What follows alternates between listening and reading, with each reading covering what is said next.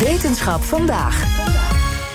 Opmerkelijk nieuws uit de wetenschap vandaag. Want agenten, politieagenten, kunnen de toekomst voorspellen. Dat blijkt uit wetenschappelijk onderzoek. En bij ons is wetenschapsredacteur Sterre ten Hout de Lange. Ha, Sterre. Vertel, hoe zit dat? Ja, um, agenten die kunnen aanvoelen wat er gebeurt. Ze weten precies wanneer een situatie gaat escaleren. Ja, en hoe weten ze dat dan? Ja, daar hebben ze dus een zesde zintuig voor.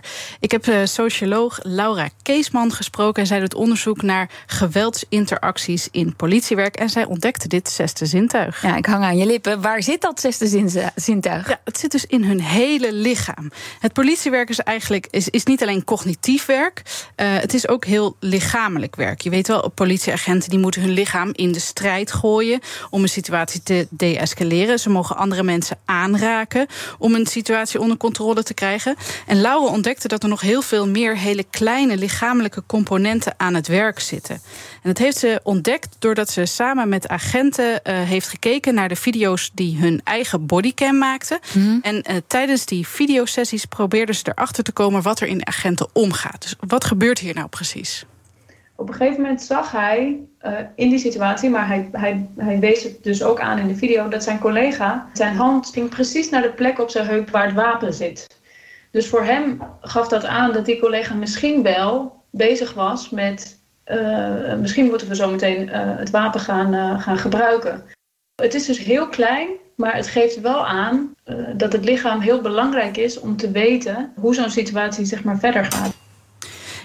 Agenten kunnen dus uit zulke hele kleine bewegingen van een verdachte, een burger of een collega voorspellen wat er aanstaande is.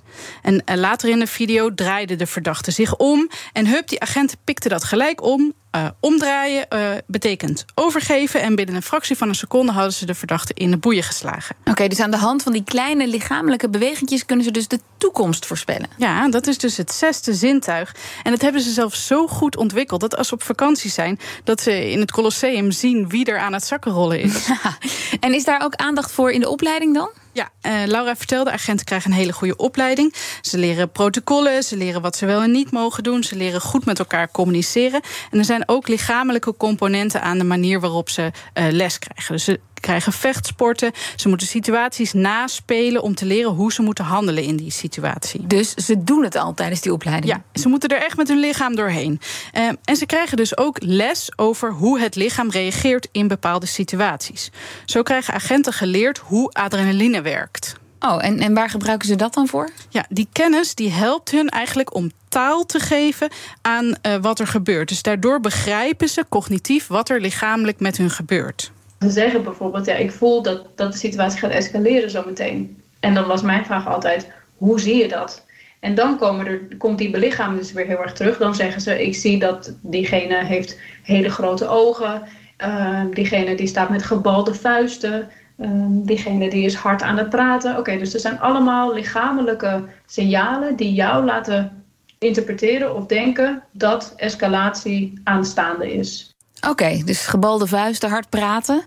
Politiewerk en zeker geweldsituaties zijn soms best eng dan ook. Ja, en dat is ook wat Laura juist zo interessant eraan vindt. Dus zij heeft uh, die agenten gevraagd van, uh, ja, hoe uh, ja, vinden jullie dat geweld niet eng? En ja, ja hoe, maar ze kwam erachter dat ze dat dus niet eng noemen. Ze noemen, ze zeggen, ik ben niet bang. Nee, ik ben niet bang, want ik ben agent. En hè, als je bang bent, dan moet je dit werk niet doen. Ja, en toen ze die agenten eigenlijk beter leerden kennen... en die agenten ook meer vertrouwen in haar hadden... want ja, er komt zomaar even iemand meekijken...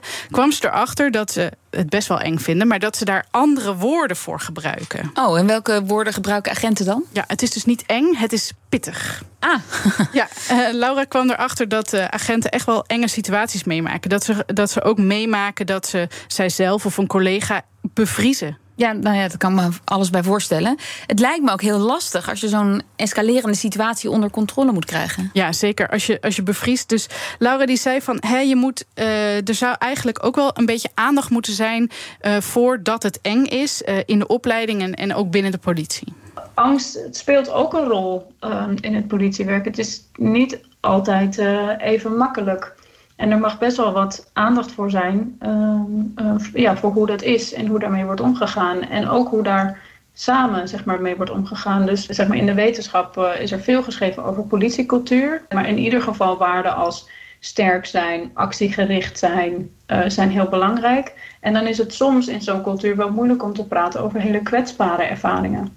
Ja, dus Laura zegt eigenlijk ook onze sterke, stoere politieagenten zouden best op zoek mogen gaan naar manieren om over die moeilijke, kwetsbare kant van het werk te praten. Nou, dat is een. Uh mooie, mooie oproep van haar. Ik moet ook meteen denken aan voetballers die lopen over het veld. En soms lijkt het alsof zij ook een soort zesde zintuig hebben.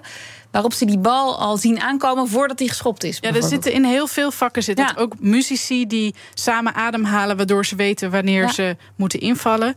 Interessant. Dankjewel, ja. Sterren ten Houten de Lange.